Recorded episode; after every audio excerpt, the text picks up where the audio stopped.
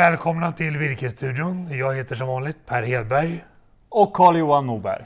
God jul och god fortsättning får vi säga. Nej men det får vi säga. Vi befinner oss precis nu i mellandagarna och det är klart att det kanske är dags att röra lite på sig efter all julmat. Hur ska vi, ska vi försöka ge oss på att summera 2022?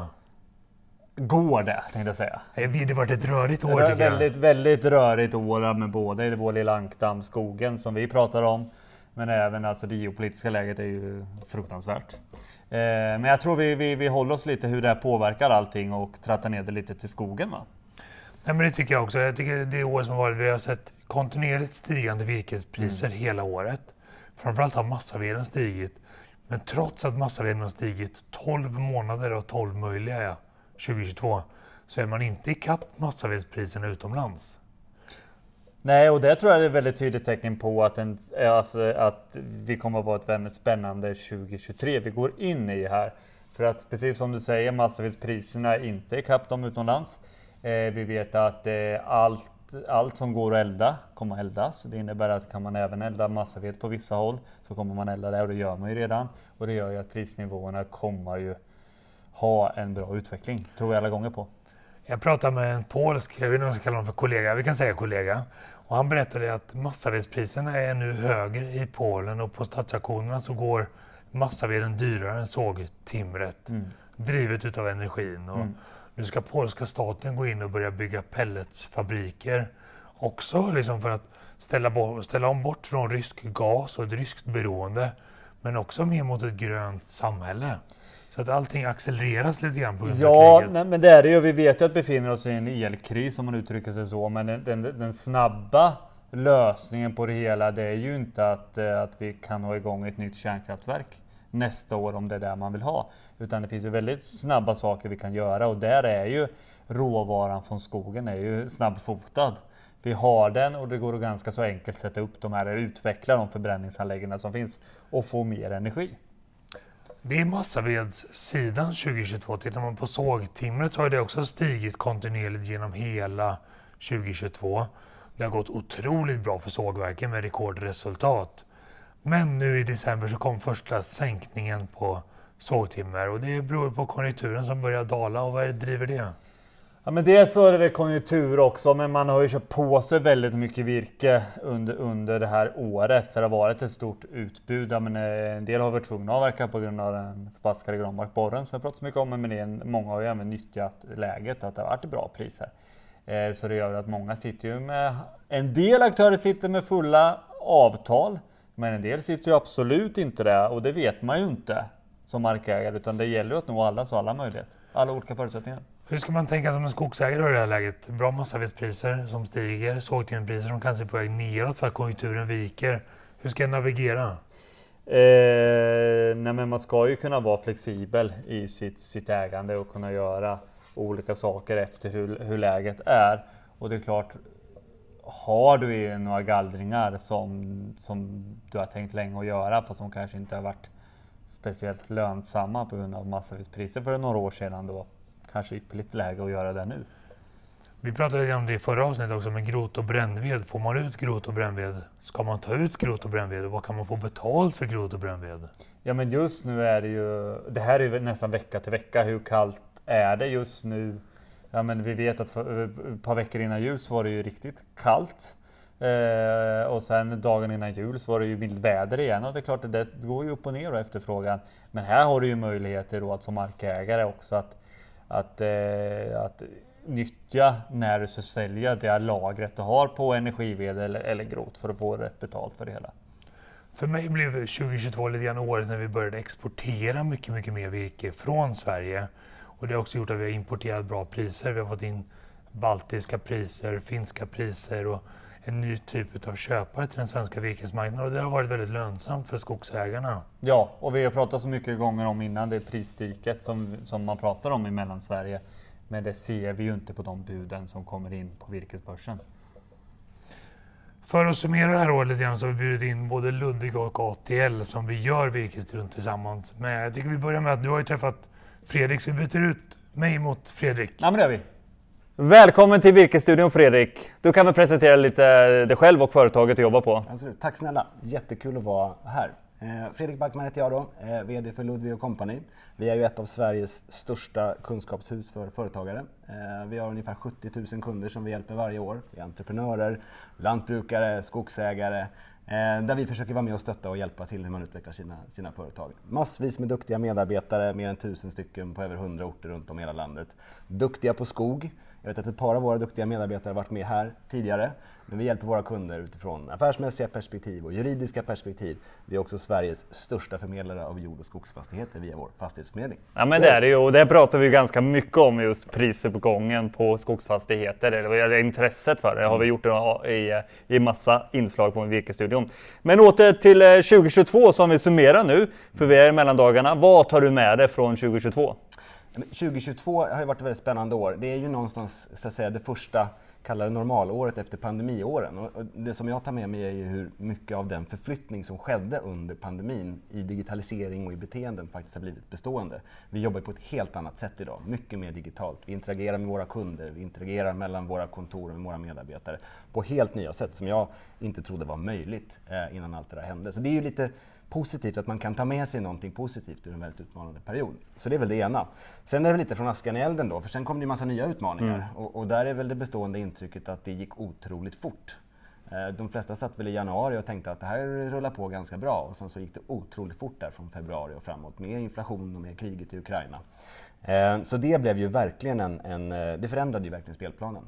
Och då tycker jag man ser lite olika hur företagare väljer att agera. En mm. del är väldigt snabbt på bollen och försöker förstå en del är kanske lite mer strutsmentaliteten, att man oroar sig och det får bli lite som det blir. Vi kan väl prata lite om det sen. Ja, men, men, men, det är väl eh, bestående intrycket från, från 2022. Ett spännande år. Ja. Men om vi går tillbaka lite nu, för nu är vi i den här situationen då med hög inflation, räntorna som stiger och dyr energi. Mm. Det är så om inte annat på veden är också dyr idag mm. när man handlar. Hur tycker ni då, ni med era företagskunder eller kunder, hur ska man agera som företagare idag? Mm.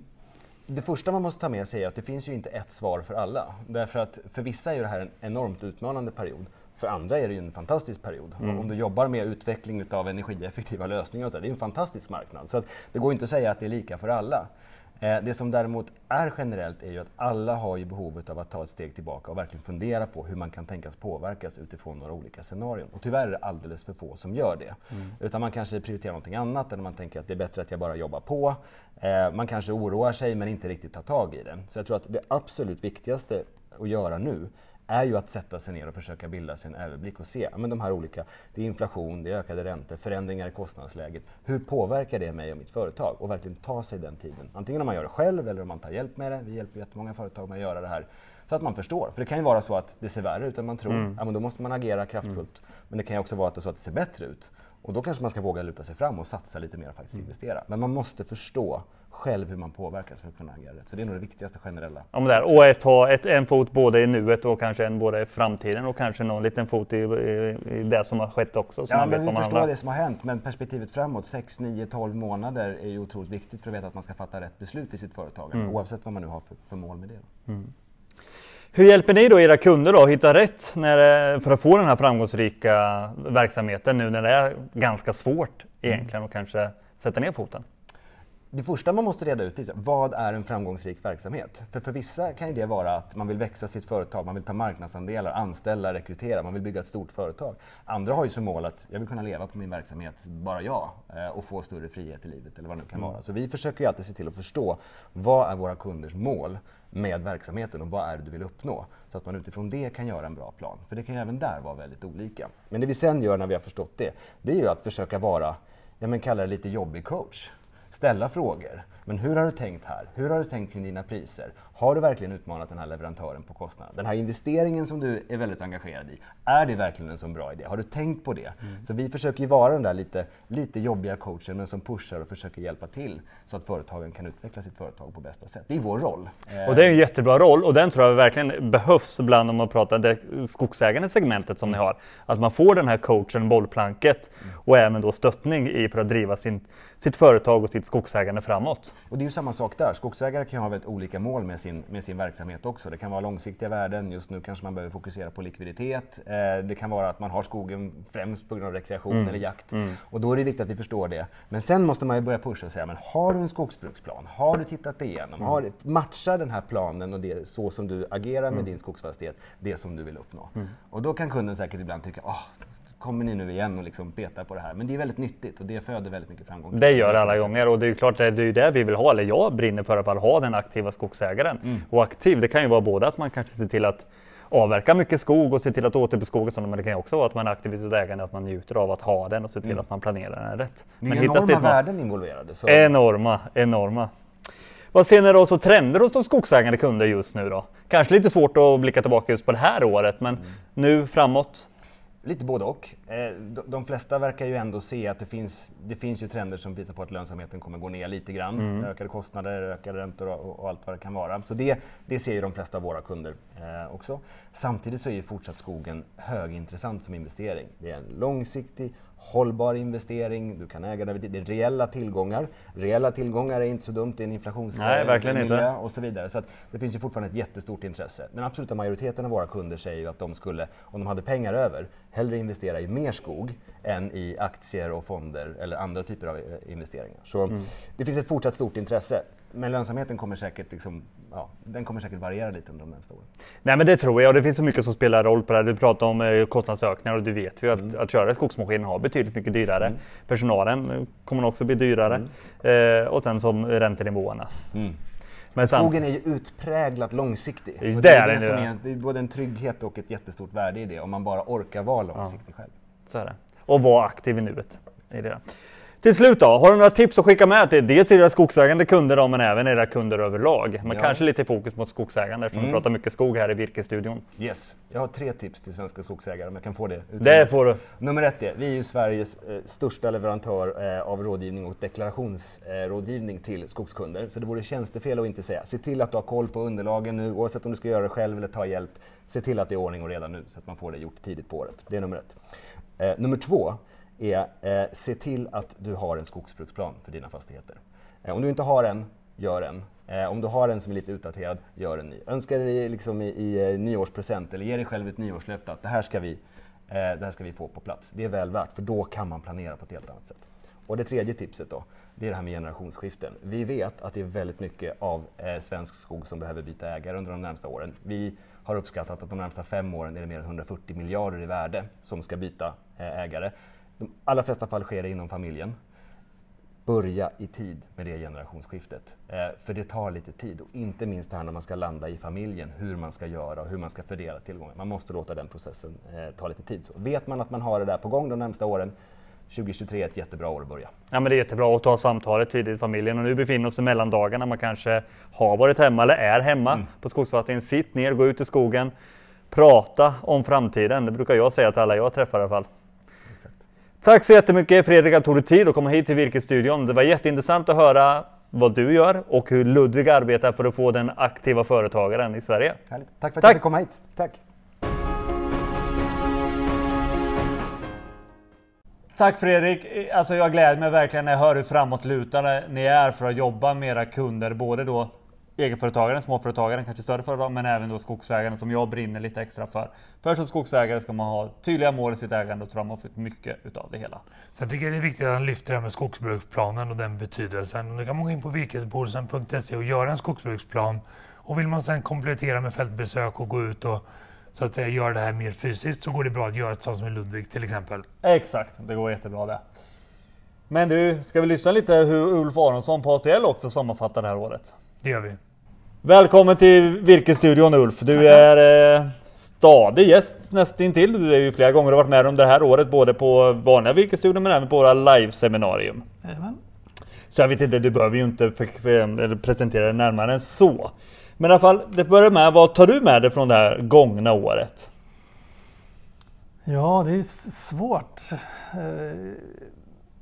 det har, hänt, det har hänt väldigt mycket men det liksom virvlar ju förbi fort men det känns, det är fortfarande väldigt politiserat tycker jag.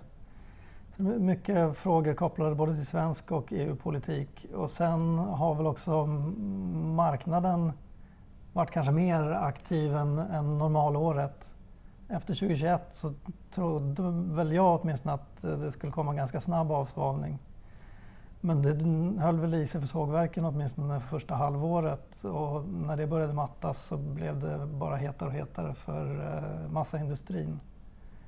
Och energisortimenten. Och energisortimenten inte minst.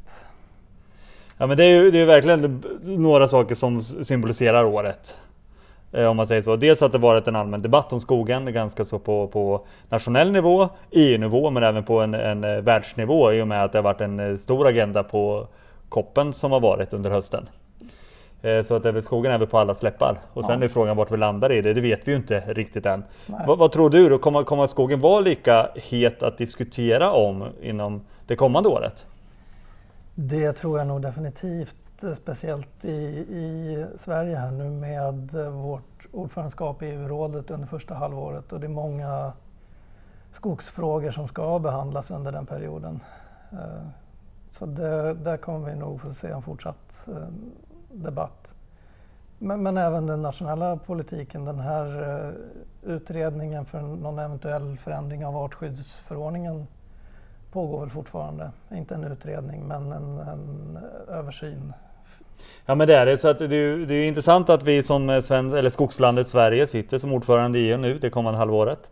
Och det är frågan om vi kan driva på den agenda som vi tycker det ska vara. Ja, där finns det ju delade meningar. Det finns ju de som absolut tycker att eh, Sverige ska, kan och bör använda ordförandeskapet till det. Och sen finns det de som menar att så kan inte en ordförande agera utan ordförandens roll är att eh, jämka ihop allas eh, åsikter till något eh, något som alla kan stå för. Det är det verkligen. Om vi går tillbaka och tittar lite på, på industrin. Vi pratade om virkespriser lite innan där. Dina samtal med de olika sågverk och aktörer runt om i Sverige det här året då. Vad säger de? Är de igång och har de investerat de här rekordsummorna som de förmodligen har haft eller som de har tjänat? Ja, det har jag suttit och undrat över. Det, det var ju vad jag, jag trodde att det skulle ha hänt mer. Eh, när vi gick in när vi gick in i det här året förväntade jag mig att det skulle hända mer stora investeringar och, och kanske även branschomstrukturering. Så vitt jag har hört har det inte hänt så mycket och det kan ju bero på vad det gäller investeringarna att det eh, är en flaskhals helt enkelt att få fram maskiner och utrustning. Om vi pratar om struktureringar, vi vet att eh, en, en, en tysk aktör har köpt två stycken sågverk i Sverige. Vi vet att Stora Enso har sålt Nymölla till en amerikansk eh, aktör, bruket nere i Blekinge.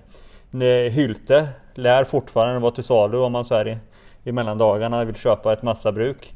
Tror du det kommer fortsätta med de här sammanslagna uppköpen och även då med mer internationella aktörer som vill till Sverige? Det tror jag. Det, tror jag. det är en, en långvarig trend. Uh, och det behöver ju inte vara, vara negativt. Uh, om, om man får in kompetenta ägare som, som driver vidare industrier som kanske annars kunde haft det svårt. Nackdelen är väl att eh, vinsterna i viss mån hamnar utanför Sverige. Och sen kan jag tycka generellt att det är lite märkligt där att eh, Sverige som skogsland är ju mindre offensiva med att eh, bredda sig internationellt än vad omvärlden är att eh, köpa in sig i svensk skogsindustri. Det är ju faktiskt en eh, väldigt intressant reflektion på det hela. För det är klart att idag, vi vet att blickar vi tillbaka så har de stora cellulosaindustrierna varit i omvärlden och haft mycket verksamhet. Men är trenden att de har gått tillbaka lite mer till mm. Sverige? Och bara nu i veckan såg vi att eh, Stora Enso, som väl om man ska vara strikt, eh, har ett större finskt än svenskt ägande, vill eh, vad, vad kallar man det för, avyttra sina, sin kinesiska verksamhet. Mm. Men även då, vi vet att eh, vi pratar om export på, på virke också. Den gör ju att på vissa håll så har ju priset på, på, på virket höjts. Vad tror du om exporten i framtiden då på rundvirke? Ja, svårt att säga om. Det beror ju både på, på efterfrågan och tillgång. Och vad det gäller tillgångssidan så talar väl det för en fortsatt export i och med att eh, dels de här eh, insektshärjningarna, granbarkborreangreppen, har ju varit eh, hårdare i Europa än i Sverige. Så att, eh, där, de kan ju tänkas ha en fortsatt eh, råvarubrist. Och läser man många av förslagen för, från EU så även om, om det inte kanske sägs vara uttalade syftet så om de genomförs eh, på det sätt som de ser ut på idéstadiet så innebär de ju en minskad råvarutillgång. Och då skulle eh, all råvara, även svensk, bli mer eftertraktad. Mm. Och det är klart, det här kan ju vara, om vi går tillbaka det här att utländska aktörer börjar köpa verksamhet i Sverige. Det, där vet vi har en bra råvara, en bra kvalitet på den. Men även då de här som kommer till Sverige och hämtar rundvirket och förädla i andra länder. Mm. Så det är klart, vi har ju ett bra läge med den svenska skogen. Ja, historiskt har det aldrig varit fel att ha mycket skog. Nej, och det kan väl också en trend under det här året. Ska vi belysa det någonting? Att intresset att köpa skogsfastigheter verkar ju aldrig sina. Nej. Är det någonting du vill kommentera? Nej, det, det, det stämmer ju. Det, det, finns ju en, en detaljföreteelse där som har varit intressant under året. Akelius eh, köp som ju, jag vet inte, man kan väl säga att det saknar motstycke så vitt jag vet. Alltså den omfattning som han köper skog i nu. Ja, det, det måste man nog säga. Och det i och med att det är över hela landet eh, och det kanske finns andra likartade investerare. De, det, det, kan nog vara prisdrivande eh, på sina håll. Mm. Nej men det är det många man har pratat med att helt plötsligt har det blivit en annan prisnivå i den lokala byn på skogsfastigheter. Mm. Att det är inte den, den lokala storskogsägaren som är den som driver priset längre utan nu är det andra aktörer mm. som är där. Och, och som sagt var, i hela landet. Det spelar ingen roll om vi är i Skåne eller Norrbotten. Nej. Skogsfastigheter säljs just nu. Ja. Något annat du vill skicka med till våra tittare på virkesstudien då inför det kommande året? Ja, vi pratade lite inför det här och det är väl också något, eh, något jag brukar sitta och tänka på att eh, som skogsägare, ibland är man ju kund, ibland är man eh, säljare, säljare köpare.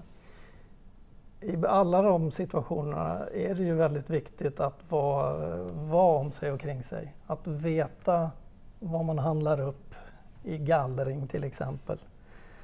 Hur ser beståndet ut före? Hur vill jag att det ska se ut efter? Inte bara kanske släppa det till andras omdöme och det, det, gäller ju alla situationer. Det, på, på, många håll och många som har haft granbarkborreangrepp kommer ju stå inför den, det problemet att eh, det ska förnyas. Hur ska det förnyas? Att där kommer det troligen behövas klimatanpassning. Mm. Hur tänker man då? Man måste hålla sig liksom informerad och uppdaterad, kunnig.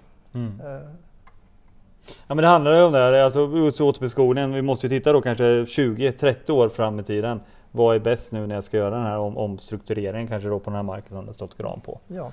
Det gäller att vara uppdaterad, läsa ATL, titta på virkesstudien och, och sen samtidigt ta del av den enorma kunskapsbank som finns om svensk skog och skogsbruk. Absolut, det finns jättemycket att hitta på nätet. Oerhört eh, bra hjälp från eh, oberoende källor också.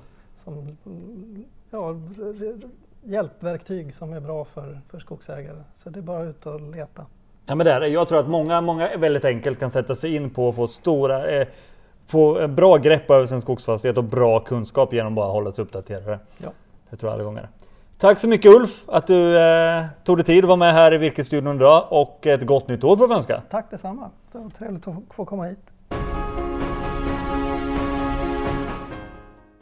Tack snälla Ulf. Det låter som att både Ulf har jobbat, vi har jobbat och Fredrik har jobbat under hela året. Jag tror att det kännetecknar ganska rejält att eh, det har gått på högtryck i många verksamheter. Jag menar, den här återhämtningen efter pandemin, första riktiga året som Fredrik pratade om. Samtidigt då alla de här andra omvärldsfaktorerna som gör vi har en stress på att vi ser de ökade kostnaderna för hushållen som gör att man kanske borrar ner sig lite extra och jobbar lite hårdare för att veta att man står på säker grund. Om vi ska blicka framåt nu mot 2023, vad ska vi ta för avstamp? Vad ska man tänka på tror du? Jag kommer i alla fall bevaka vad som händer med skogsfrågan internationellt och i EU-nivån. Vad, vad kommer man prata om? Eh, hur kommer taxonomin falla ut och hela de artskyddsutredningarna, de bitarna. De är jätteint jätteviktiga, de kanske inte jätteintressanta för alla, men de är jätteviktiga att hålla koll på. Hur håller du koll på det här?